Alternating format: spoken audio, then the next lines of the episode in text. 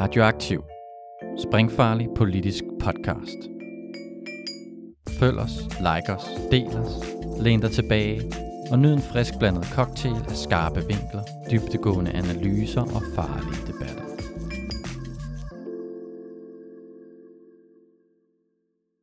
Velkommen til Ildsjæl.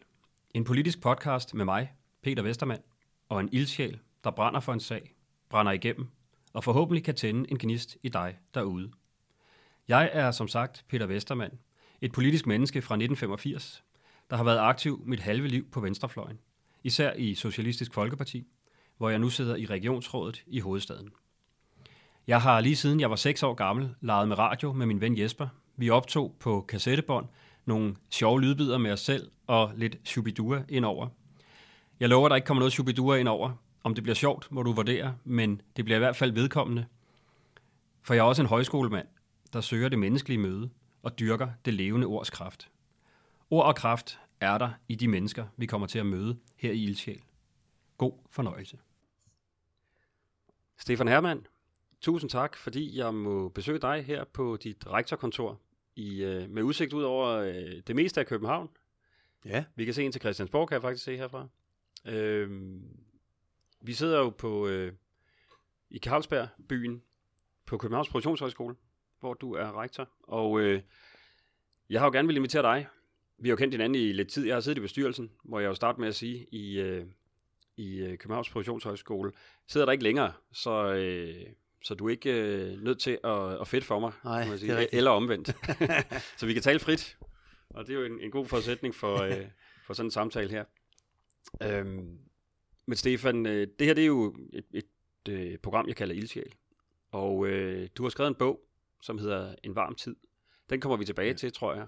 Men jeg, jeg synes, at, øh, at metaforerne, som du indleder bogen med, øh, nogle overvejelser omkring, om tiden er varm, øh, og, og, og vi bliver overophedet og sådan noget, er lidt sjove, når nu mm. min podcast øh, af en eller anden grund er kommet til at hedde Ildsjæl. Præcis. Så øh, men lidt, lidt for tærsket, kan man sige. Det gælder om at brænde i det her samfund, og brænde igennem. Men, men, men hvad er det, der brænder i dig?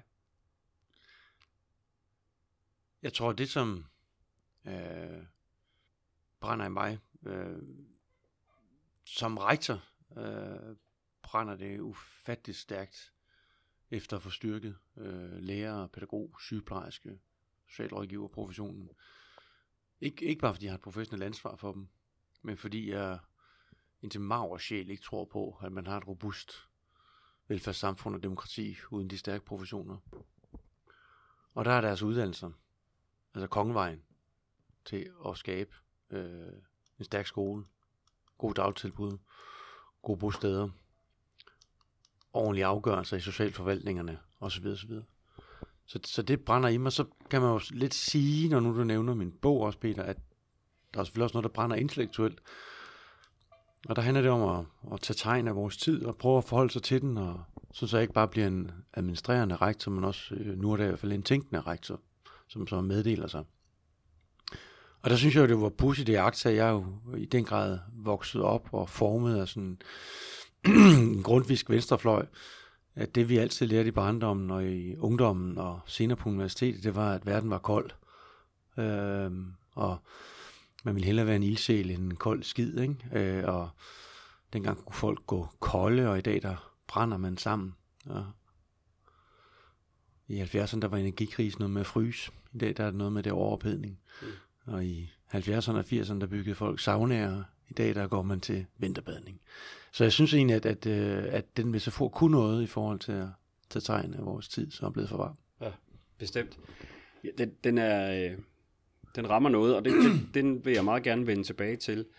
Øhm, men når jeg synes, det har været interessant også, at, at vi skal tale sammen, så er det jo netop, fordi du insisterer på begge roller som rektor. Øh, og det synes jeg jo, nu er jeg jo højskolemand øh, ved siden af mit politiske virke, øh, endda på, på Grundvis Højskole, og der øh, lyder det jo af ånd og så videre, men, men jeg kan jo godt savne folk øh, i, pro, i positioner som din, eller i højskoleverden, eller øh, teologer, som du også nævner i, i din bog, eller andre øh, tænksomme folk, som har, øh, har øh, hvad kan man sige, til gode og, og, og berige os med, med lidt mere ånd i, i samfundet, mm. i en tid, hvor jeg synes, dem, der fylder i debatten, øh, er, er, det er en anden form for rationalitet. Mm. Øh, eftertænksomheden øh, og, og de helt overordnede samfundsblik, synes jeg, der er længere imellem. Og der, der vil jeg sige, det, det er jo derfor, jeg synes, det er virkelig interessant at, at tale med dig, og, og tak for, at du, at du bidrager med det. Øh, nu skal vi snakke lidt om øh, noget, noget konkret øh, mm. i forhold til, hvad vi, øh, hvad vi kan gøre. Fordi jeg, jeg starter med at spørge ind til den første del af, af din identitet, øh, nemlig administratoren, mm. kan man sige. Ham, ham, der har ansvaret for, at vores ja, skoler, daginstitutioner, sygehuse, borgerservice og kommunalkontorer, mm. hvor vi ellers kan finde gode socialrådgivere, øh, at de er befolket af, mm. af gode, solide øh, medarbejdere, som, som kan deres kram, mm. og at vi har nok af dem. Hvor, øh, hvor trykker skoen mest lige nu i forhold til øh, at, at, at løfte den opgave? Hvis bare skoen kun trykkede et sted, hmm. ville det faktisk være nemmere. Problemet er, at det vi bevidner nu med den der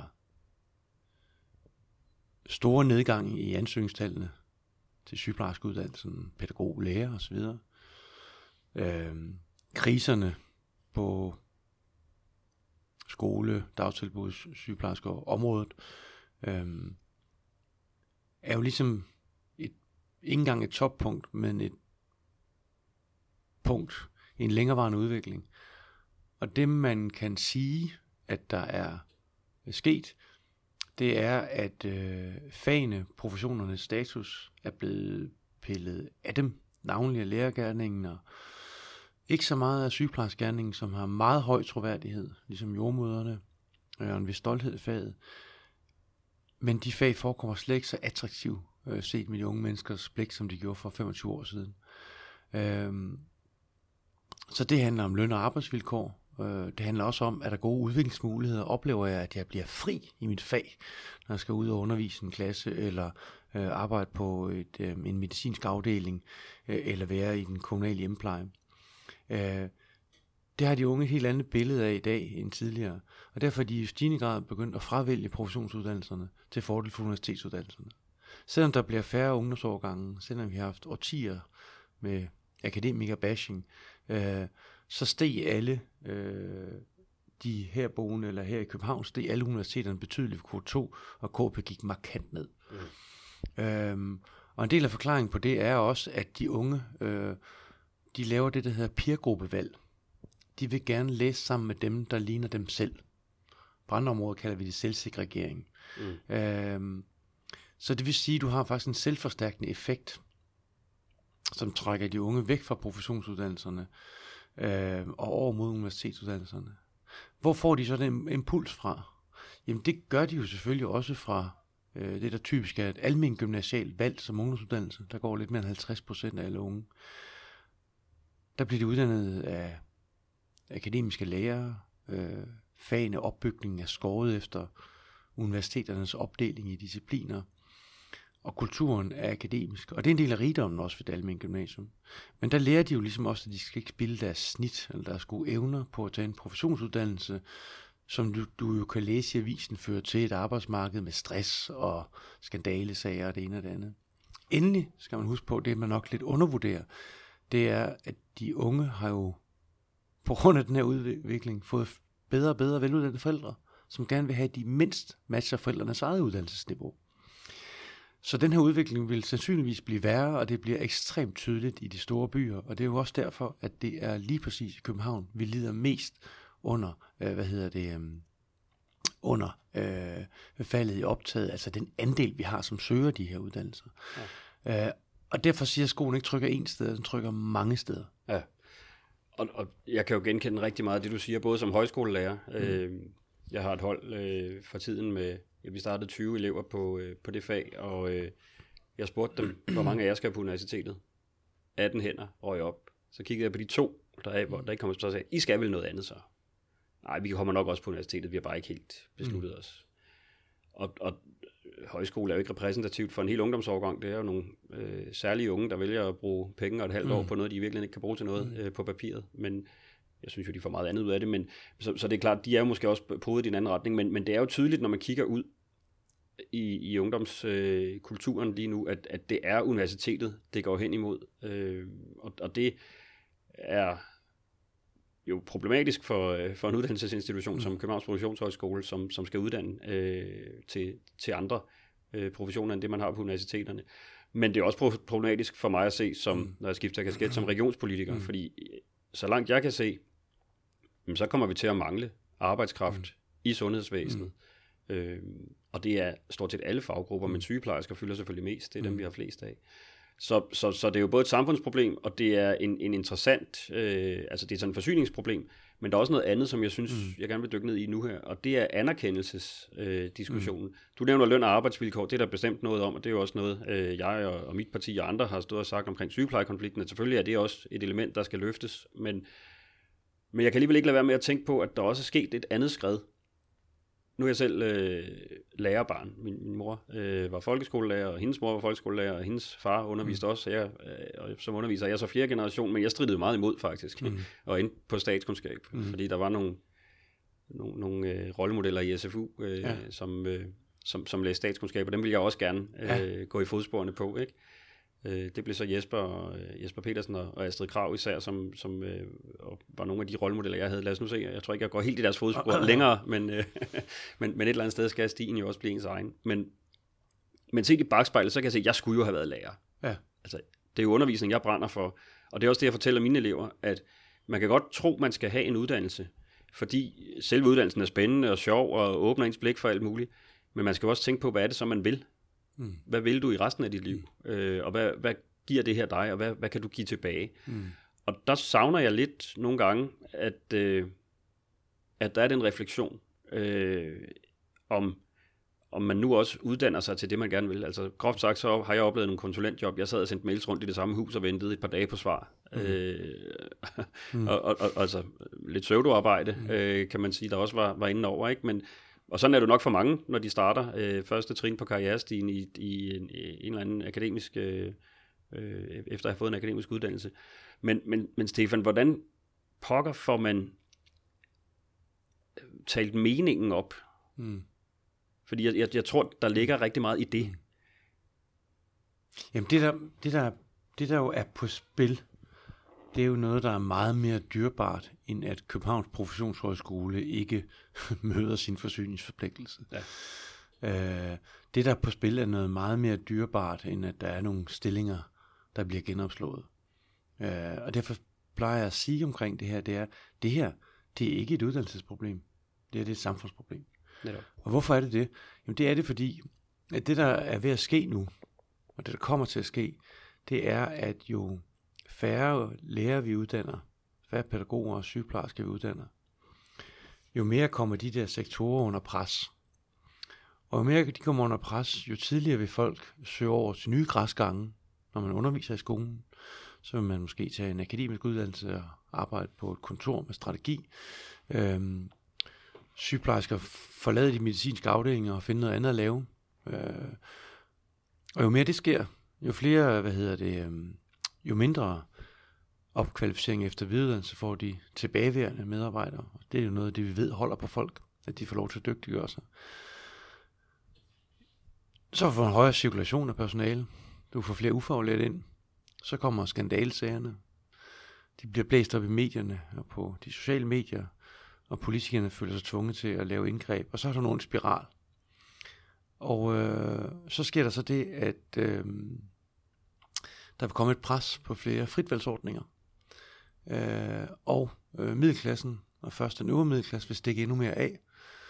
Og min forudsigelse vil være, på et eller andet tidspunkt, hvis det her går så galt, som jeg siger, så vil du fjerne øh, de begrænsninger, der er på forældrebetaling øh, til fri grundskoler for eksempel, øh, og andre steder. Så det, der er på spil her, det er, at samfundskontrakten risikerer at knække, når kvaliteten ikke følger med for alle. Og når den kontrakt den knækker, så betyder det, at dele af befolkningen stikker af i deres egne institutioner, og de samme dele af befolkningen vil ikke have den samme øh, betalingsvillighed i forhold til skat. Mm. Men de vil have stor betalingsvillighed i forhold til deres egne. For nogle at se, at det er jo et helt legitimt og også ønsket øh, dagsorden. Men det er det ikke for tror jeg, 90 procent af, af, af borgerne og politikerne i Danmark. Og det er den, jeg advarer mod. Vi har altid i Danmark haft tendens til at tro, at samfundskontrakten, den knytter sig til øh, kvalitet, forstået som det, der knytter sig til penge. Mm. Altså, er velfærden nu finansieret godt nok? Det nye er jo, at det er ikke penge, der er problemet, Peter. Det er professionel. Mm. Og have nok professionel. Og der må man jo sige til Christiansborg og politikere, ja, der mangler hænder og hoveder og hjerter rigtig mange steder i det danske samfund. Men nu må I komme op på det næste, hvor det handler om at prioritere.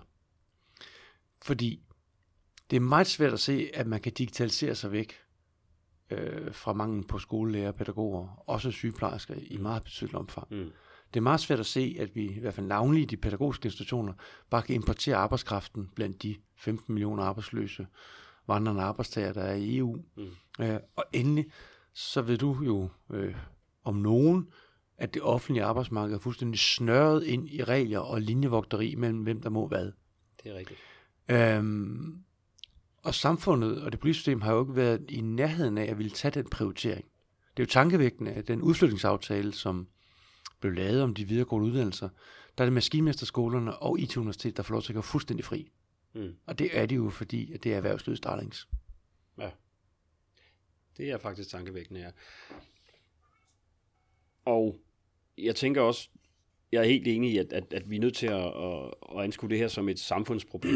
øh, også for at, at få råbt op øh, bredere hen. Men, men det er jo, som samfundsproblem, er det jo ikke kun en, en overordnet øh, makrodagsorden. Altså, det er en bevægelse, som vi ser i hele den vestlige verden. Øh, folk flytter ind til byerne, de unge vil have højere og højere. Øh, ej, nu kommer jeg til at, at, at smide nogle penge i min egen bødekasse. Længere og længere uddannelse. Øh, jeg synes jo godt, man kan være en højt uddannet tømrer, for eksempel. For eksempel. Øh, men øh, men, men øh, de vil længere og længere uddannelse. Så, så der er jo også et eller andet, vi skal ind og tage livtag med, på et, på et mere øh, gruppe, øh, mere civilsamfundsniveau, mm. øh, og så også øh, helt på individplanet, hvad er det egentlig, der motiverer den enkelte. Mm. Men hvis vi starter på det, på det ordnet, hvor, hvor, hvor du også øh, slår den anden, jamen, du siger, at politikerne skal prioritere. Øh, og det er, må jeg jo også øh, så tage på mig og sige, men det skal vi også, øh, os der sidder her med regionspolitik, mm. og gøre, og sige, men der er nogle faggrupper, der skal afgive nogle opgaver til nogle andre, for det, det er nødvendigt for, at vi stadigvæk kan levere det, vi skal. Der ser jeg faktisk en bevægelse. Dansk Sygeplejeråd leverede et, øh, et udspil for en måneds tid siden øh, med, med nogle øh, punkter til, hvordan man løser mangel på sygeplejersker i fremtiden. Og en af dem var faktisk at afgive opgaver. Og det er jo lidt nyt at, at se, ja. at, at fagforbund offensivt spiller ud med ting, de gerne vil slippe for at lave. Mm. Øh, eller ikke fordi det er opgaver, de godt kan lide at have, have men, men, men hvor de kan se andre løse dem. Øh, jeg tror ikke, de træer vokser ind i himlen lige med det første, men, men det er da i hvert fald et udspil. Så, så til den tager jeg på mig. Den må vi øh, i, i samarbejde med, med fagforbundene og, og sådan øh, få, få, øh, få løst, for det er en bunden opgave. Øh, at selvfølgelig må opgavefordelingen blive lavet om, når der ikke er de samme hænder til at løfte den, som, mm. som vi har brug for. Den er modtaget. Det næste er jo så en, øh, en diskussion i din verden, i uddannelsesverdenen. Mm. Øh, lige nu ser vi, og det behøver du ikke komme, til at konkret på, men, men vi ser jo et ramaskrig over øh, elevfordelingsaftalen på gymnasieområdet, hvor øh, den, den bakker jeg op om. Øh, mm. jeg synes faktisk, det er en, øh, en samfundsforpligtelse at sikre, at der er levedygtige øh, ungdomsuddannelsesmiljøer bredt set i landet. Øh, og så er det klart, der vil være nogle, nogle tilfælde, hvor enkelte oplever en uretfærdighed. De kan ikke komme på det nærmeste gymnasium sammen med deres venner fra folkeskolen, fordi der er lavet en regel. Øh, og, og, og, og sådan er det jo desværre, når man er nødt til at, at lave nogle tiltag, så er der nogen, der bliver ramt. Øh, ellers har det jo ikke nogen effekt. Men den diskussion er jo en lille bitte stedfortræder diskussion, kan man sige, eller en, en, en, en, en lille diskussion i forhold til en større diskussion, der handler om, om vi har nogle forkerte idealer for uddannelse i det her samfund. Mm. Altså, jeg var lidt inde på det, men når jeg, når jeg har 18 ud af 20 højskoleelever, måske endda 20 ud af 20, mm. som vil på universitetet, mm. måske stræber de efter noget, de ikke skal have lov til.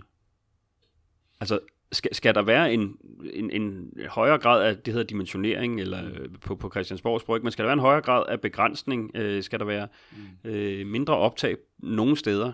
Kan, kan vi tillade os som, kan jeg tillade mig som politiker, og kigge ud i krystalkuglen og sige, vi får ikke brug for så mange inden for det her fag. Til gengæld kan jeg se, at vi lige nu og, og i al fremtid kommer til at få rigtig mange, brug for rigtig mange lærere, pædagoger og sygeplejersker.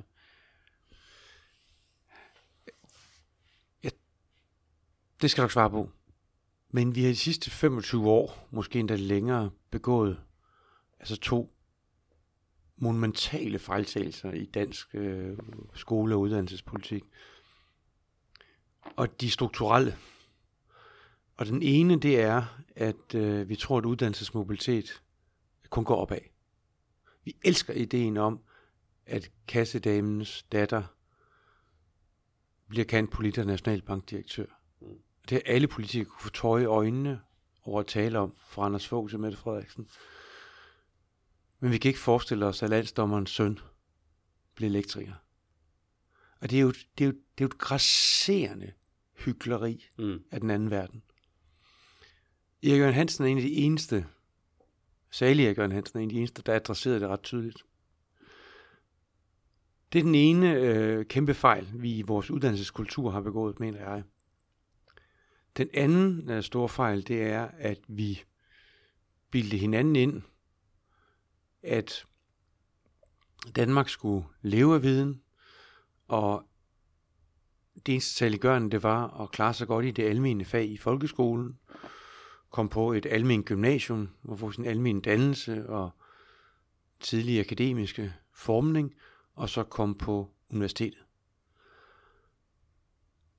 Og det lider vi under i dag. Og man må også gerne kritisere professionshøjskoler og erhvervsakademi, og hvis de har dårlige ledelser, så skal man fyre og alt det der. Det synes jeg. Men man har jo ikke vil investere opmærksomhed, energi, midler, øh, indsatser i øh, de samme sektorer overhovedet. Og så er det jo ikke så underligt, når nu vi har et markedsbaseret system. Det er de unge, der vælger. Mm. Og det er jo det, der giver de store problemer også omkring elevfordelingen på gymnasieområdet. Ja. Vi har bygget systemet op om valg. Øh, så det er jo rent markedsbaseret. Og det er klart, hvis de i 1995 stod billedligt talt pænt over for to restauranter, de var stort set lige store, der var fedt begge steder, der var ikke sådan lidt af smag, hvor man gik hen. Og så giver vi den ene restaurant lov til at udbygge. Vi kaster flere penge i. Vi kaster opmærksomhed og omtale, og det er fremtiden ligger. Vi gør den selvegne. Det er jo det, øh, for eksempel, ikke? Øh, så, øh, så vælger de jo rimelig rationelt, og det gør de jo også. Øhm, så derfor så kan man sige, at man kan spørge sig selv om to ting som politiker. Nu er vi på en lidt principiel klinge, ikke? Okay, enten så kan vi ændre deres frie valg. Det er elevfordelingsaftalens øh, problematik. Det er den hårde regulering. Det er en hård regulering. det hedder dimensionering. Hårde på universiteterne. Øh, det er det ene, man kan gøre. det er der, hvor man bruger den ene del af den politiske værktøjskasse, der handler om, om, om regler, der også er indskrænkende. Så er der den anden del af den politiske værktøjskasse, som man også er nødt til at bruge. Det er det, der handler om at bygge op, om at skabe reel attraktion, om at sikre nye førstevalg, og ikke bare et andet valg, man skal slå sig til tåls med. Og det tror jeg altså også, man er nødt til at kigge på. Øh, det vil sige, hvordan gør man øh, professionsuddannelserne bedre eller længere ned i systemet, øh, øh, erhvervsuddannelserne, øh, og endelig, hvordan får vi de der arbejdsmarkeder til at være mere attraktivt, sådan, så man har lyst til at være skolelærer i 40 år. Ja. Det kan da godt lade sig gøre. Det kan det. Min mor, hun var det i 42 år på samme skole. Præcis, og, og, og det er klart, de 42 år for en af mine lærerstuderende på 21, øh, skal nok se ud på en anden måde, end de gjorde for din, din mor. Klart. Men pointen er, at, at det kræver arbejdsmarkedets parter, og staten tager fat i det. Og de sidste mange trepartsaftaler, der er lavet, har jo kun handlet om det private område. Der mangler vi faktisk et stort slag boldlejen på det offentlige.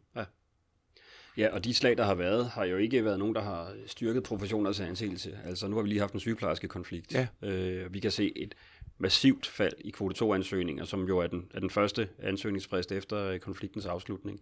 Øh, lærerkonflikten i øh, 2013, den husker jeg smerteligt. Øh, Jeg var næstformand i SF dengang. Det var ikke så nemt som, som lærersøn. Og øh, jeg kunne endda se nogle af mine gamle lærere og gamle kolleger som lærervikar, og min mors kolleger stå og, og vinke til mig med forskellige fingre ned fra, fra gårdspladsen. Nå. Bare for at sige, jeg, jeg er enig i, at, at der er en, en politisk øh, mango på, øh, på professionsområdet mm.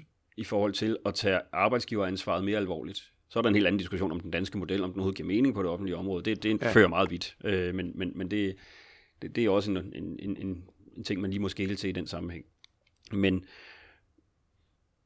hvad er svaret så? Fordi altså, jeg, en ting er, at man kan lave den hårde regulering. Det må politikere jo beslutte sig for. Det, det skal du ikke sidde. Det bliver du også upopulær i, i, i rektorkollegiet på tværs af uddannelseskategorier. Men, men, men noget andet er jo så at, at få talt op, som, som er det, jeg hørte dig sige, at man kan gøre. Man kan ændre folks indre præference. Altså, hvor, hvorfor er det, vi vælger, som vi gør?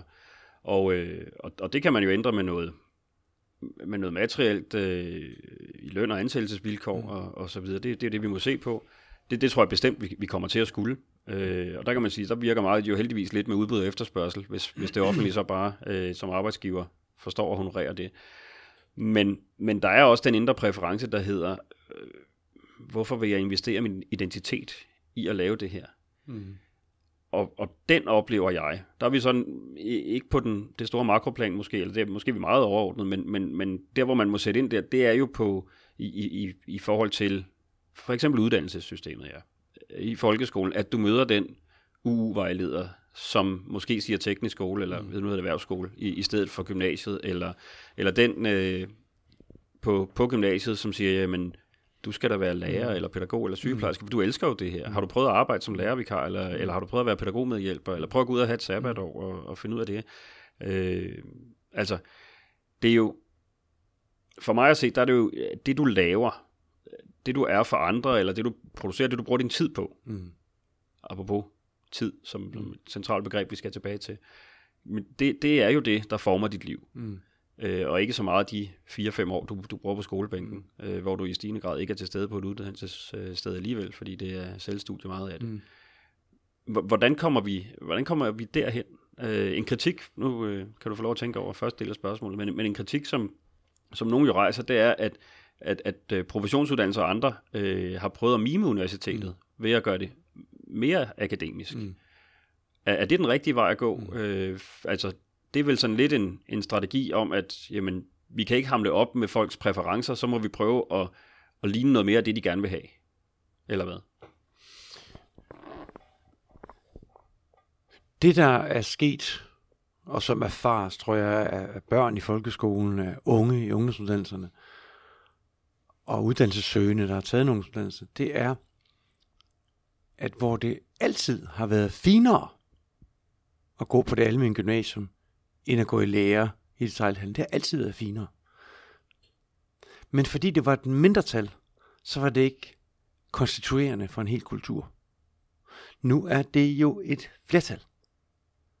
Eller tæt på et flertal. Og så bliver det jo konstituerende, så bliver det normdannende mm. for alle. Og det er derfor, du ser den der meget stærke søgning, fordi øh, børn og unge er sociale væsener, de er det formentlig mere i dag, end øh, da jeg var, var barn og ung, fordi at det sociale liv, så at sige, er en 24-7-forseelse. Øhm, så det er nu kulturkonstituerende, hvor det før var øh, en mindre ting. Det tror jeg faktisk har meget stor betydning. Det andet, det er, øh, prøver erhvervsskolen så at ligne gymnasiet, eller det her tilfælde prøver professionshøjskolen så at ligne universiteterne. Øhm, og der vil jeg faktisk sige, øh, hvad hedder det, hvis man giver meget overfladisk på det, så vil man jo sige ja. Hvis man kigger lidt mere nuanceret på det, så vil man meget klart sige nej. Øh, det klassiske universitet har forskning som sin helt dominerende opgave. Det er faktisk også den økonomisk set væsentligt mest dominerende opgave for universiteterne i Danmark. Uddannelser er et, et middel til at formidle den viden, der skabt og forædlet på en professionshøjskole, har hovedopgaven, det er at uddanne mennesker, og forskningsopgaven er et middel til at styrke de uddannelser. På professionshøjskolerne, der er simpelthen altså praksis, både som praktik, det er så dybt, dybt integreret, hvor det er jo stadigvæk på mange universitetsuddannelser, at det er et fremmed læme. Mm. Uh, så der er stor forskel. Når det er, at jeg selv har arbejdet for at omfavne, at vi faktisk fik en forskningsforpligtelse, så skyldes det to ting. Det ene det er, at, at, at kravene til den viden, man skal tilegne sig at bruge, når man arbejder som sygeplejerske, eller som pædagog, eller bioanalytiker, de stiger jo dramatisk, og er stedet dramatisk.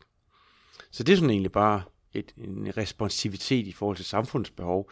Og det andet er så, at hvis vi gjorde det, som nogen sådan relativt nostalgisk, arbejderistisk anlagte figurer siger, væk med det lort, alt det forskning og akademisering så vil vi formentlig miste de mest ambitiøse studerende. Og det har vi ikke brug for i forhold til forsyningskrise. Så jeg synes, den tunge, vi skal holde lige i munden, handler om at sige, det er uddannelse og professionsfaglig dannelse af de her mennesker, der er hovedformålet. Det kan aldrig blive forskning til sig selv. Den forskning, vi laver, den skal understøtte første formålet. Og derfor siger jeg jo egentlig også, at vi har ikke forskere, der underviser. Vi har undervisere. Hvor er nogle af dem forskere? På universitet har man forskere, der underviser. Ja. Så der, der er en gradsforskel der. ja. ja. Øhm, en anden ting, jeg synes er, er, er væsentligt, det er også, nu er jeg også podet lidt på, på højskoleverdenen, øh, og, og det er jo i øvrigt tankevækkende, at man kan være derind og få lov til at undervise uden nogen form for pædagogisk kompetence. Det sker for de fleste af os. Så får man en lille smule efteruddannelse bagefter. Mm. Og der lærer vi noget om øh, vekselvirkningen mellem lærer og elev osv. Men der er også en anden vekselvirkning, jeg synes er mere interessant, og det er jo vekselvirkning mellem øh, teori og praksis, mm. som jeg jo synes er en at det må være en styrkeposition af rang for en professionsuddannelse at kunne sige, at du er i en konstant vekselvirkning, hvor du prøver de ting af, du lærer, og du får nogle erfaringer, og det er vel også en styrke at finde ud af, hvad er det inden for det her fag, jeg godt kan lide, eller kan jeg slet ikke lide det, så må jeg jo stoppe noget før. Der er jo rigtig mange som mig selv, der opdager ja. efter lidt mere end fem år blev det til på universitetet, at det jeg kom ud og lavede i, i første hug i hvert fald ikke var super spændende, og ikke lige noget, jeg ja. kunne se mig selv blive ved og kravle op ad den stige. Så, så øh, hvordan er, er der ikke et potentiale i det? Altså, jeg, jeg er med på, okay, nu køber jeg, at, at øh, forskning må også godt være en del af professionsuddannelsen, og, og øh, det kan også godt være, at det gav mening. Jeg drillede min bror lidt med det, men da han blev pædagog, så læste han jo mere Foucault, end jeg gjorde på som statskundskaber. øh, men, men det kan da godt være, at der er nogle, nogle almindelige øh, samfundsmæssige øh, perspektiver, man er nødt til at få med. Men, men hvad med praksis? Hmm. Jeg tror, man kan sige sådan, at, at det der faktisk, og jeg er glad for, at du nævner øh, Øh, lige Foucault der, øh, det der jo er med den øh, forskning, vi skal lave, det er, at den skal være praksisnær anvendelsesorienteret. Øh, og efter vi har fået den opgave, så har du formentlig fået mindre øh, Foucault på pædagoguddannelsen og Heidegger i sygeplejefaget. Øh, så et værn mod den del af akademiseringen, der simpelthen bliver for, for teoretisk, for sociologisk, filosofisk, har faktisk været at bygge øh, indsigt af miljøer og faglighed op, som er faktisk tættere på professionerne og deres faktiske virkefelt. Det har vi gjort. Praksis er jo, hvad hedder det, er jo helt afgørende. Tag en sygeplejerskeuddannelse, de er i praktik syv gange. Så det er jo et enormt fletværk af, hvad hedder det, af koordination, af øh, sammenhæng mellem det, der sker på skolen, hvor vi også træner og øver med de mm. studerende i simulationslaboratorier, og det, der sker i klinikken, som kan være jo, ja, det kan være på en kraftafdeling, på, på en medicinsk afdeling, det kan være alle mulige steder, på sygehuse eller det kommunale. Øhm, og det er noget, som er, altså det er sjælen i en institution som Københavns Professionshøjskole. Det er også noget, som vi egentlig først de sidste mange år har fået løftet op på et strategisk niveau. Det har altid været så selvfølgeligt. Og nu bliver det dyrket meget mere strategisk. Og, øh, og vi har da aldrig været så tæt på, på Region Hovedstaden, når det handler om at udvikle den del. Af flere grunde, fordi vi ved, at det er nøglen til at fastholde de studerende på studiet. Øh, punkt to, det er nøglen til at sikre, at når de så kommer ud, så er de så dygtige, som de skal være, samtidig med, at de selvfølgelig kan alt. Mm. Øhm, og øhm, øhm, det er bare vigtigt at huske på, at det er vekselvægtning, der er centralt, fordi enhver form for mesterlærer romantik vil jo, vil jo egentlig bare fastholde øh, altså fagene i, I den eksisterende praksis, ja. hvor at vi skal også uddanne nogen, der kan være med til at udvikle den. Mm. Øhm, men det er, det er helt afgørende, og det er, det er, svært at for, det er faktisk sådan noget, der er svært at forholde om, fordi jo bedre vi bliver til det, Peter, jo højere krav stiller øh, de studerende også. Ja. Og det er egentlig meget sjovt at sige, at de, de, de altså, jeg plejer at sige, at de studerende får ikke noget praksischok, de får et ansvarschok. Ansvarschok? Ja, ja. fordi de er, altså på sygeplejerskeuddannelsen over 40 procent i praksis. Hvordan kan man få et chok, når man så får ja, et job? du har været ude at se det. Øh, jeg tror, halvdelen af vores lærerstuderende, de har vikarjobs på skoler også. Hvordan ja. kan de få det? Nej, det er ansvarschokket. Ja. Og vi forventer som samfund, at de bare er verdensmester på dag 1. Og det, er jo, det synes jeg er tudetosset. Mm. Sådan var det ikke, da jeg blev færdig med at studere, skulle jeg sige. Nej. Men jeg er enig, øh, og som arbejdsgiver øh, i regionsrådet, der er det jo også en, en forpligtelse, vi må tage på os og, og, og sørge for, at den der, øh, det man i, i det private vil kalde onboarding, øh, altså ja. når man starter, øh, at der så er nogle, nogle lettere introduktionsforløb. Øh, ja, og det er lagt ind i overenskomster på forskellige områder nu. Og så, ja, så, vi, vi er på vej også ja. på jordmøder at lave ja. lidt, øh, det vi kalder en, en hvad hedder den, graduate-program øh, eller sådan noget. Øh, det er jo et mærkeligt navn, synes jeg, men, men, men det, der, der er en opmærksomhed på det. Øh, når vi så har sagt det og, og sat nogle penge i regionen, så, så går der jo lang tid, før de kan mærke det ud i virkeligheden. Men lad os ja. håbe, at det, at, at det kommer, og det bliver godt nok.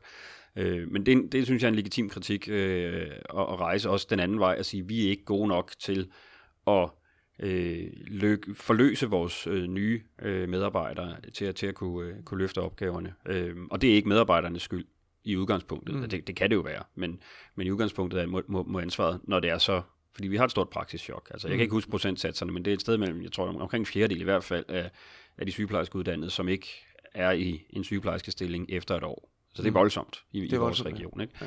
Og, og, og det har vi jo slet ikke råd til, kan man sige, som, som hvis man kigger øh, forsyningsmæssigt på det, øh, når, når vi i forvejen er presset. Så, så al logik siger, at vi skal gøre det, men, men der er også noget andet, et, et andet tema, som, som jeg tror, vi skal komme ind på her, så, som, som er det med, med pres. Mm. Altså fordi der er et ansvar, det er et pres. Mm. Og så er der et arbejdspres og et tempo mm. i det her samfund. Mm. Øh, og det er jo det, du skriver meget om i, øh, i din, øh, synes jeg, fremragende øh, debatbog. Øh, den er hurtig. Øh, klaret det er sådan en lille øh, ja, essay, øh, tror du kalder den, ikke? Øh, jo.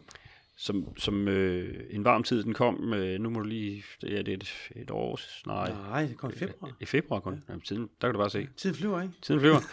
øh, eller omvendt, sådan, så, så kan den blive længere. Men, men du sagde i hvert fald lige til at starte med, da vi startede den her samtale, at det er ikke penge, vi mangler. Det er, jeg tror du sagde professionsuddannet, men, men man kan også sige personer, mm. man kan også sige tid. Mm. Fordi det er, jo, det er jo arbejdstid, der er for lidt af. Mm. Det er også tid i andre, i andre sammenhæng, vi, vi, vi føler, vi har for lidt af. Men, men det er jo rigtigt, at altså, al den stund, vi mangler ansatte i, i det offentlige, jamen, så sparer vi den løn, hvor, hvor der er, er, er tomgang på stillinger. Mm. Så vi har sådan set råd til at mande op. Men vi kan ikke finde dem, der vil. Eller vi kan ikke fastholde dem, der kommer. Ja. Hvad gør vi ved, ved, ved den der følelse af, at tiden ikke slår til? Mm.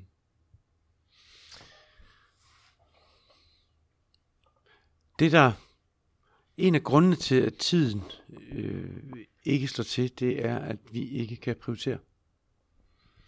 Øh, det har vi nok ofte svært ved i vores egne liv, lidt afhængig af, hvad der man beskæftiger sig med. Men vi ved det hele, og vi ved det hele, hele livet igennem. Som plus 50-årig mand, der skal man ligne en, der er fedt som en på 25. Og sådan kunne man blive ved, ikke? Mm.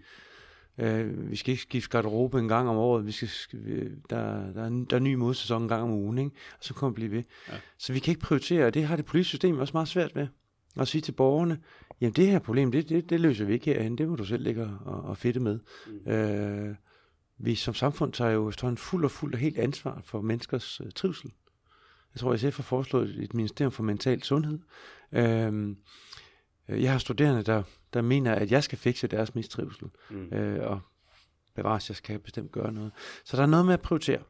Så er der også noget med moderation. Øh, der er også noget med, at jeg skal lære, øh, den studerende skal lære, at det er okay ikke at performe øh, til Nobelpris den første uge. Ja. Øh, det er faktisk også fint ikke at få 12 i alle fag i grundskolen, eller 10, eller 7. Mm. Øh, fire er faktisk middelkarakteren. Øh, det er okay at være mat og være sovfuld i lange perioder, når man har mistet. Øh, det skal man ikke have medicin for. Nej. Jeg skal selvfølgelig ikke have taget stilling til de mennesker, der, der nej, nej, patologisk forstand virkelig bliver ja. syge. Ja. Men så det jeg jo anholder lidt, det, det er, øh, hvad hedder det, mangel på prioritering, mangel på moderation, og det der jo sker, det er, at midten forsvinder. Mm. Og det er det, jeg er bange for, der er ved at ske også. Det er, bunden går ikke ud af det her samfund. Det er midten, der forsvinder. Hvis det er, at skoler og sundhedsvæsen og dagtilbud mister mm. dygtige hvad? mellemlagsuddannede. Ja. Uh, og midten er jo forsvundet i vores kultur. Nu er spørgsmålet, om den begynder at forsvinde i vores samfund. Og du kan jo se den voldsomme segregering og polarisering i, uh, hvad hedder det, ikke mindst i, i, øh, i hovedstadsområdet omkring, uh, ja. omkring København. Ja. Uh, nå, men det er bare for at sige, at der er nogle ting her, der hænger sammen, og som mm. jeg så prøver at give male i, i, det, i essayet en varm tid. Ja. Øhm. Der er rigtig meget at gribe fat i, i, i den der. Øh, men, men pointen om, at, at polariseringen sker, den tror jeg, er, at, at vi er mange, der deler. Øh, den sker socialt, øh, mm. og, og det ser vi jo Jan, her i, i hovedstaden. Du havde en kronik øh, for, ja det skal jeg passe på med at sige, øh, hvornår det var, for jeg, jeg skød helt forkert før. Var, det var, i, det var øh, i januar? Det var i januar, ja. ja. ja. for der havde jeg nemlig god tid til den, for der var jeg en lille smule nedlukket. Det er også et interessant øh, perspektiv, du, du øh, kurserer lidt over i, i S'et, og selvfølgelig kom den i, i, i februar, fordi under den seneste ned, eller efter den seneste nedlukning, at, at der var nogle perspektiver på det også.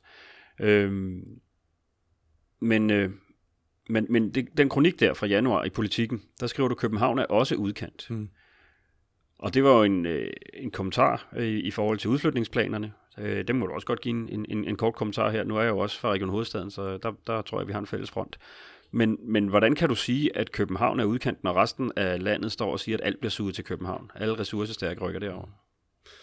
Øhm, lad mig starte et andet sted. Øh, jeg, da jeg voksede op i, i Skive, øh, og så skulle med skolen til København, så sagde de, at vi skulle, vi skulle virkelig passe på vores penge. De stjæler med arm og ben. I skal, nu uha der.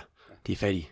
Øh, det var billedet af København. Ikke? Øh, så har København selv og resten af Danmark tegnet et billede af Danmarks vækst, vækstmotor, mm. turisme-magnet. Siden, lige om siden lidt. start 90'erne. Ja, ja, og så kommer uh, Tour de France. Og folk, der har bosat sig i København, navnlig fra 90'erne og 0'erne, har oplevet helt enorme stigninger i værdi på deres boliger. Mange, der bosat sig på det tidspunkt, har været i arbejdslivsforløb, hvor de klarer sig bedre og bedre. Det vil sige oplevelsen af en optur, byfornyelser, forgrønninger, metro. Vi sidder lige midt i den. Vi sidder lige midt i det. Um, alle har glemt, at Københavns Kommune er helt enormt stor. Alene i Københavns Kommune bor der væsentligt flere mennesker, end der gør i hele Region Nord. Gennemsnitsindkomsten i Bispebjergområdet er mindre end den er i Lolland Kommune. Og der bor flere mennesker i Bispebjerg, end der gør i Lolland Kommune. Tager man studerende ud af indbyggertallene i de seks største bykommuner i Danmark, så har København dobbelt så mange borgere med en disponibel indkomst på under 100.000 end Randers. Det er der ikke nogen, der tror. Nej. Så vi har fortalt os selv en historie, og også med fuld politisk overlæg for mange, er jeg sikker på, at den der hovedstad og Storkøbenhavn bare er løbet med det hele. Og det passer ikke. Når man så kigger på det uddannelsesmæssigt, så er underforsyningen af gode lærere, pædagoger og sygeplejersker osv. osv. til Storkøbenhavn, den er jo mere markant end der andre steder. Ja. Den relative andel af dem, der søger ind på KP, som har monopolet på at udbyde de her uddannelser, den er jo meget lavere her, end den er for eksempel i Nordland. Mm. Øh, og det ved jeg jo godt, hvem går ud over sidste ende. For det ved jeg da godt, hvad, min, min, øh, hvad, hvad, hvad det segment, jeg tilhører, de, de laver da bare deres egen skoler, deres egen øh, dagtilbud, øh, skal der nok få den behandling, de har brug for. Ja. Øh, så det kommer ud over de svageste. Og der kommer spørgsmålet så, hvor langt er vi egentlig fra gated communities? Mm. Og det skal vi huske, når det bliver gated her, så er det fordi, at vi lever så tæt op af hinanden, trods det store social forskel. Når jeg er fra Indre Østerbro, hvor jeg bor, cykler hjemmefra, så cykler jeg vel fra en eller der minder sådan om Upper East Side på Manhattan, ikke? Mm. Så skal jeg cykle... Op i 80'erne, vil jeg tro, ja. Altså, ja, langt op i 80'erne. Ja, ja. Så når jeg så cykler halvanden kilometer ud til nogle af vores campusområder på Nørrebro, så er vi i Rumænien. Mm. Det, det er en god cykeltur. Det er en god cykeltur. øhm, så så der er noget med den byland-debat, som er blevet frygtelig øh, unuanceret. Øh, og hvor jeg mener, at man i stykke af vejen har været mere optaget af tilfredsstille narrativ, end at løse virkelighedens problemer. Ja. Den analyse deler jeg fuldt ud. Øh, der er en en, en mikrosegregering, øh, så mikro er den måske ikke, men, men som, som sker i København, mm. øh, hvor der bliver rigtig langt imellem. Men, men, men den der idé om midten, der forsvinder, den, den kan jeg faktisk godt... Øh, den, den kan jeg godt se en, en, en, en, en idé i øh, at udforske noget mere. Øh, fordi det er jo ikke kun et, et problem for de allersvageste, øh, at de allerrigeste stikker af. Det er jo et problem for det hele, mm. den hele brede del, at, at det er vores velfærdssamfund, der er mm. underforsynet her. Og det er vores... Øh, ja, hvor, alle vores bærende institutioner, som, som bliver underforsynet, og, og, øh, og vi risikerer, at de, de rigeste skaber deres egne enklaver, og, og så øh, er det dem, der former den udvikling, de gerne vil have, og vi andre, vi må, eller vi andre, jeg kan jo måske endda komme i det segment også, ikke? Men, men, men, øh, men, men andre må øh, sidde tilbage og, og nøjes med, hvad de kan skrabe sammen af, af resterne. Men det er jo også en, en, en nu er det også øh, ikke nogen hemmelighed, det her det er en lidt venstresnodet øh, mm. platform, den her podcast udkommer på. Og din, øh, det, at du kommer med et helhjertet forsvar for midten og moderationen, er jo nok ikke lige det, øh, alle lytterne øh, ser sig selv som rent øh, politisk identitetsmæssigt. Så, så øh, hvor I består alligevel radikaliteten og, og solidariteten i, i dit forsvar for midten, øh, er det ikke, altså, øh, bliver det, bliver det konservativt bestående, det, det, det du, øh, du prædiker her? Jamen det, ja. Nu er det jo, det er jo på virkelig mange planer, at jeg forsøger at, at give det der midtebegreb. Altså det er både filosofisk og politisk og moralsk og uddannelsesmæssigt på at give det øh, tyngde. Men det er jo meget sjovt, fordi jeg voksede også op med at blive uddannet i en tid, hvor midten, det var det der pragmatiske pløger, ikke? Der er kun hvide striber og døde fluer på midten, sagde Svend Augen ja. engang, ikke? Øhm, men jeg alligevel øh, kunne til tilbage og huske, der var også noget, der opgør for midten. Ja. Øh, og jeg husker, at Herman Brock skriver, at midten har en radikalitet. Mm. Og så slog det mig egentlig, at nogle af de fineste ting i det her samfund, nemlig tage øh, jordmorløftet eller lægeløftet, hvor der står og behandle andre uden persons anseelse. Ja. Fordi man ser mennesket og ikke den fattige, for eksempel. Ikke? Mm. Øh, at vi øh, har en stolt tradition for antidiskriminationslovgivning. Øh, det er jo midteridealer. Ikke? Det er universelle. Det er, det er universelle samlende idealer, som er under pres på mange måder. Og det jeg også siger, det er, det er jo midterinstitutioner at have fælles sygehuse, mm. men ikke mindst at have fælles dagtilbud og fælles skole. Det er midterinstitutioner, mm. fordi det, det, det er mødesteder. Øhm, og det er dem, jeg er bange for holder op med at blive fælles mødesteder. Dels kvæg øh, forventede samfundsmæssige udviklinger og politiske beslutninger, men faktisk også fordi vores kultur øh, i øjeblikket går mange splittende ærner, og derfor langer jeg jo ude efter både brun og sort identitetspolitik, og også, hvad hedder det, og rød. meget den røde, ja. ja. Øh, fordi den er så optaget af at dyrke det partikulære, ikke? Ja. Øh, kønnet, rasen. For, forskellen frem for forskellen det, frem for de inkluderende, ikke? Den, ja. den er interesseret i, at alt det, du siger, Peter, skyldes, at du, du, du er øh, hvid mand, ikke? Hvid mand fra øh, Nordsjælland, ja. Ja, ja, og og den kender også din seksualitet, men du selv gør altid, ikke? Øh, og så videre, så videre. Og det, og, og det anholder lidt, fordi at jeg er bange for, at vi, vi opløser de der fine universelle idealer, som aldrig er perfekte. De er altid ufuldendte, men vi har jo historisk set hele tiden kun udvide dem, ikke? Der var jo en gang, så var det der med at have, have stemmer, det var helt naturligt, at kvinderne ikke havde det. Ja. Hov, hov, de blev en del af, af universalismen også, og så videre, så videre, så videre, ikke? Ja, uden at man fratog mændene stemmeretten. Ja, uden at man fratog mændene stemmeretten, ja. ja. Um, og de der løbende problematiseringer i vores kultur, synes jeg er en gave til en fri øh, og frigørende og demokratisk udveksling. Men der er nogle nye tegn, som bekymrer mig, fordi øh, de er på cancel culture og alt mm. det der, mm. så bekymrer det mig også enormt meget, hvis vores fælles institutioner så ovenikøbet også altså hvis selve samfundsstrukturudviklingen giver safe spaces. Mm. Ja, for det, det, det, du, det du kræver om, øh, og undskyld, jeg, jeg, jeg går ind og prøver at, at, at, at kortslutte, øh, men, men øh, som jeg ser det, det er jo, at, at hele forudsætningen for at kunne have noget fælles, er under angreb. Altså i, i, i den øh, partikulære, øh, som du, altså i den der dyrkelse af vores egen identiteter og forskel, at så må der være noget helt væsensforskelligt imellem øh, den identitet, jeg har, og den identitet, en øh, transkønnet, eller en, en sort, eller, eller øh, alle mulige andre identiteter. Jamen det er det, det, det, der, det, der, det der jo er, altså jeg kan godt lide ideen om, at et, et, et civiliseret samfund har et helt enormt stærkt demokratisk mm. og også kulturelt fællesskab. Mm. Det skal basere sig på selvfølgelig historie, men også basere sig på åbne, inviterende fælles kategorier. Mm. Derfor kan jeg også lide borger- og menneskekategorierne. Ja. Nå, det, der sker i øjeblikket, og det har i høj grad været skole og bibliotek og alle mulige andre Danmarks Radios institutioner til at fremme det. Det, der sker i øjeblikket, det er, at du på den ene side set har en stærkere og stærkere anonymiseret samfundsstruktur. Mm. Også med de sociale medier. Uh, vi ændrer din grønne adfærd bare ved at ændre på afgifterne. Vi behøver ikke overhovedet have noget fælles blik på naturen. Mm. Vi, vi notcher der bare, ikke? Ja. Nå, den der samfundsstruktur er jo stærkere og stærkere og mere mekanisk og automatiseret, digitaliseret end nogensinde. Samtidig så er, øh, er, er samfundskulturen blevet enormt emotionaliseret. Øh, den, den, den vil hele tiden øh, affekt intensivere, mm. hvor man i gamle dage, der skulle man affekt reducere, ikke? fordi man skulle holde på sine følelser, man skulle lige sove på det. Bevare fornuften. Nu skal, ja, ja, ja, lige præcis, ikke? Hold nu hovedet koldt og alt det der. Mm. Øh, I dag, der, øh, hvis man lytter til min bog, så lydbog, så Ja. kommer Mofibo op med sådan et, øh, et forslag til, at hvordan vil du kommunikere dine oplevelser med dine følelser? Gråd, Ja, det er rigtigt. glæde. Det er rigtigt. Ikke? Aha, der har du det, ikke? Så du siger, du har en alliance med, med, med, med samfundsstruktur, mekanisk tænkning, med inderligt demokratiseret romantik, ikke? Mm. Og det spejler jo fuldstændig Max Webers gamle frygt, ikke? Hvad får du på den første? Du får fagmennesker uden hvad? Ånd. Hvad mm. får du på den anden? Du får sensualister uden hjerte.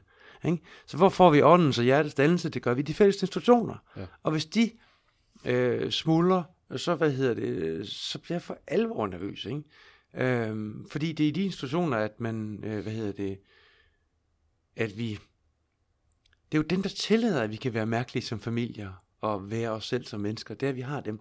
Ja, at vi kender hinanden på, på tværs. Ja, og at øh, du oplever, at lille Peter Vestermann oplevede friheden ved øh, at være en elev. Og det gjorde Mohammed også. Ja. Ja. Han skulle ikke hele tiden gøres til, at han jo var et indvandrerbarn, eller Ja. ja. var muslim, Ja. ja. og det eller andet. Oplevede friheden ved at være elever af det fællesskab, mm. det er at være elever, for så på et tidspunkt at eleveres til at blive borgere, Ja. som er en inkluderende kategori. Og så kunne vi tale længe om, Ja. om vi så er gode nok til at elevere lige, lige Og det er vi meget. aldrig. Det er vi ikke. Nej, for Mohammed i min, i min skole, ham blev der råbt af, øh, Ja. af, af nogen, ikke? Og, og han kom heller ikke lige så langt øh, i sin uddannelsesvej, som, som jeg gjorde. Men, men den snak, og, og at der selvfølgelig øh, er et evigt øh, behov for at, og, og udjævne uretfærdigheder. Øh, mm. det, det, den er jeg sikker på, at vi også kunne tage i flere timer. Men, men nu slår jeg temaet tid an, og, og jeg ved, at din tid er, er også noget, du skal prioritere skarpt. Og, øh, Nå ja, og jeg, jeg kunne blive ved øh, meget, her- her meget længe. Det kan være, at vi skulle tage en, øh, en, en opfølgning, fordi der er rigtig mange løse ender i det her. Men sådan er det jo. Sådan er det jo. Øh, Når vi ved det hele. Vi skal kunne prioritere, men, men jeg synes, det du sagde her til sidst, det vil jeg gerne øh, lade stå som en slags afslutning. Det her med, at, at fællesskabets institutioner øh, kan risikere at forvidre, det var der, vi startede med, om de kan blive befolket øh, nok. Ja. Men, men jo ikke kun forvidre på grund af mangel på, på mennesker, men også øh, mangel på øh, ja, den samfundsånd eller kontrakt, som, ja, som, som man du... kan også kalde det, jeg vil også kalde det normativ standhaftighed. Ja. At, at, at, at skolen og dagtilbud og institutioner tør simpelthen, øh, hvad hedder det, insistere på der, nogle grundlæggende idealer, Ja. ja. som selvfølgelig skal have politisk legitimitet. Og det er jo også derfor, at min bog driller lidt hovedstadsregionen, fordi man på et tidspunkt der havde et sygehus, som tillod patienterne at vælge, hvad hedder det, sundhedspersonale efter køn ja. og etnicitet og religion. det, det slog vi hårdt ned på, så Ja, snart det vi opdagede det. Men, Øh, men, men- det var, men, øh, men og, og det er jo derfor, at på nu spurgte du indledningsvis til rektorrollen, Peter, Ja. ja. at vi har jo lært øh, offentlige ledere de sidste 20-30 år, at de skal være administratorer. Derfor begyndte de at tænke som administratorer. Ja. Måske skal vi opleve dem lidt i, at de er også nødt til at være ledere i normativ forstand. Ja. Ikke, frit, ikke fritvalgte værdier, men dem, der jo har sanktion i, i, i, loven og i dybe løfter, mm. som vi har givet hinanden samfundsmæssigt. Øh, fordi at det bal afgøres jo ikke kun i Folketinget eller i, i, i formelt politisk sammenhæng. Det bal afgøres jo i høj grad til hverdag, hvor du er nødt til at have Øh, leder, der tør inkarnere øh, de der, men hvis den haft de der idealer. Ja. Jamen, øh, Stefan, tak for øh, en gang imellem, at, øh, og, og det gør du jo tit, og det kan man mærke her, du, du meget gerne gør også, øh, at gå op i fyrtårnet og, og prøve at, øh, at sætte lys på nogle af de ting, du ser. Øh, og jeg kan jo give medløb til, til rigtig meget af det. Øh, og så er der ting, vi, vi sikkert kunne, kunne diskutere hæftigt, hvis vi, hvis vi mødes igen. Men, øh, men Stefan, tusind tak. Øh, Der er masser af brænde på dit bål endnu, kan Ja, jeg, kan det håber vi. Og, øh, og øh, keep, it, keep it going, øh, uden du selvfølgelig på nogen tidspunkt, øh, på, noget, på nogen måde, skal brænde ud. Tak for snakken, Stefan. Det tak. Oh ja. Inden du smutter, husk nu lige at følge Radioaktiv. Vi er på Facebook, Twitter, på SoundCloud eller i din podcast-app. En række af vores podcasts udkommer også som video på YouTube. Du må også gerne dele os med dine venner. Hvis du er ellevild, så kan du gå ind på solidaritet.dk og blive medlem af vores mediehus.